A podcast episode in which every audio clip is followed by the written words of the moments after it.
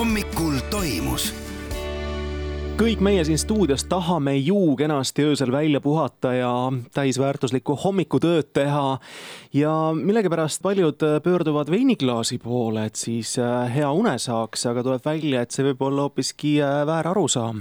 Äh, jaa, minu kogemus ütleb samamoodi, et kui võtta õhtul pokaalike veini, siis jääd küll hästi magama, aga ärkad öösel üles kell kaks ja ei tea enam, mida mu ajaga peale hakata minu kogemus räägib sellest, et üldse on mõistlik äh, tükk aega enne magama minekut mitte midagi süüa ja veel parem, kui mitte midagi juua.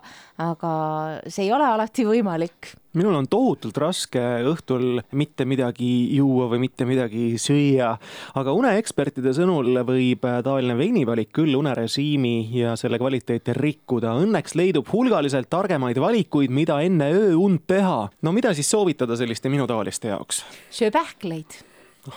Ja seda ei mõelnud mina välja, seda mõtlesid välja uneteadlased, kes ütlesid, et mandlid, pistaatsiapähklid, kreeka pähklid on uneeelsete näkside nimekirja tipus. no kuidas meeldib pähklipuru hammaste vahel tuttu minna? sarapuu pähklipuru hammaste vahel meeldib küll ja kui pähklid ei maitse või on allergia, siis Postimehe artikkel soovitab, et võiks süüa ka kiivit, kirsse, juua piima või süüa rasvaseid kalu nagu sardiinid ja tuunikala. no kas te sööte enne uinumist sardiine? Ei söö, kusjuures isegi sprotte ei söö. sprotti sööks täitsa. tegelikult mina sööksin ka sprotti ja mul täitsa on külmkapis olemas üks purk sprotte, mis on juba ammu tekitanud isu. nüüd tead, et enne uinumist oleks hea sisse võtta.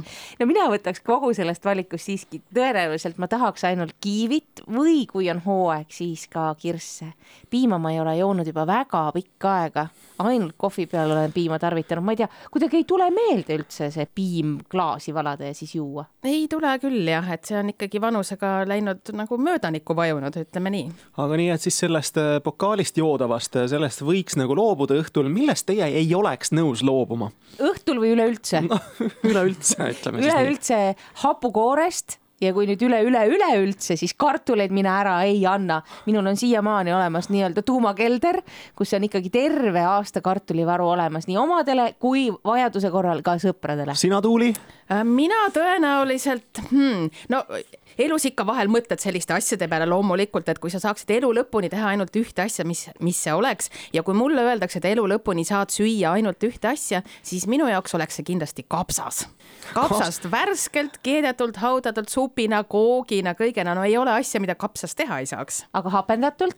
vägagi hea.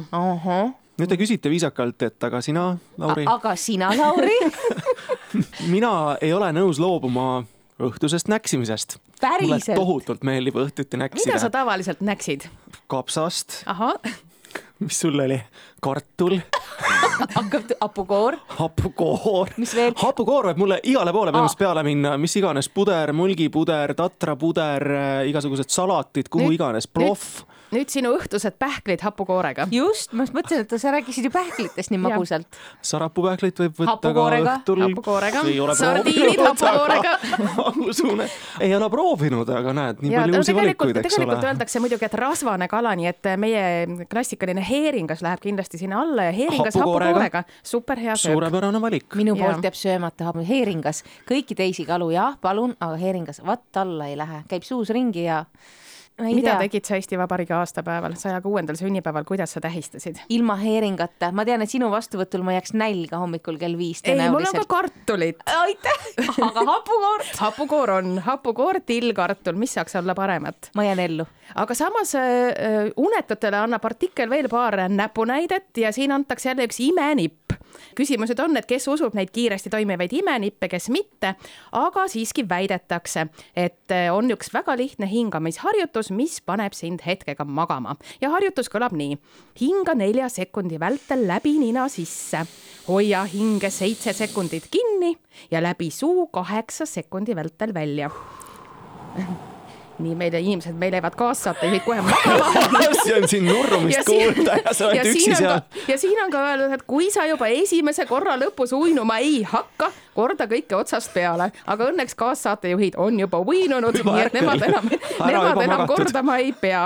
Ja spetsialistid lubavad, et üle minuti uinumiseks ei kulu. mina ei usu seda. mina ka ei usu, aga tegelikult peaks proovima, samas mina muidugi proovida ei saa, sest et minul on alati tegemist, et mitte magama jääda, et mina peaksin pigem nagu selliseid ergutavaid äh, näpunäiteid arvesse võtma, nii et mina olen väga kiire uinuja. mina olen proovinud lambaid lugeda reaalselt, üks lammas, kaks lammast, kolm lammast ja ma ei ole kunagi kahesajani jõudnud, olen magama jäänud.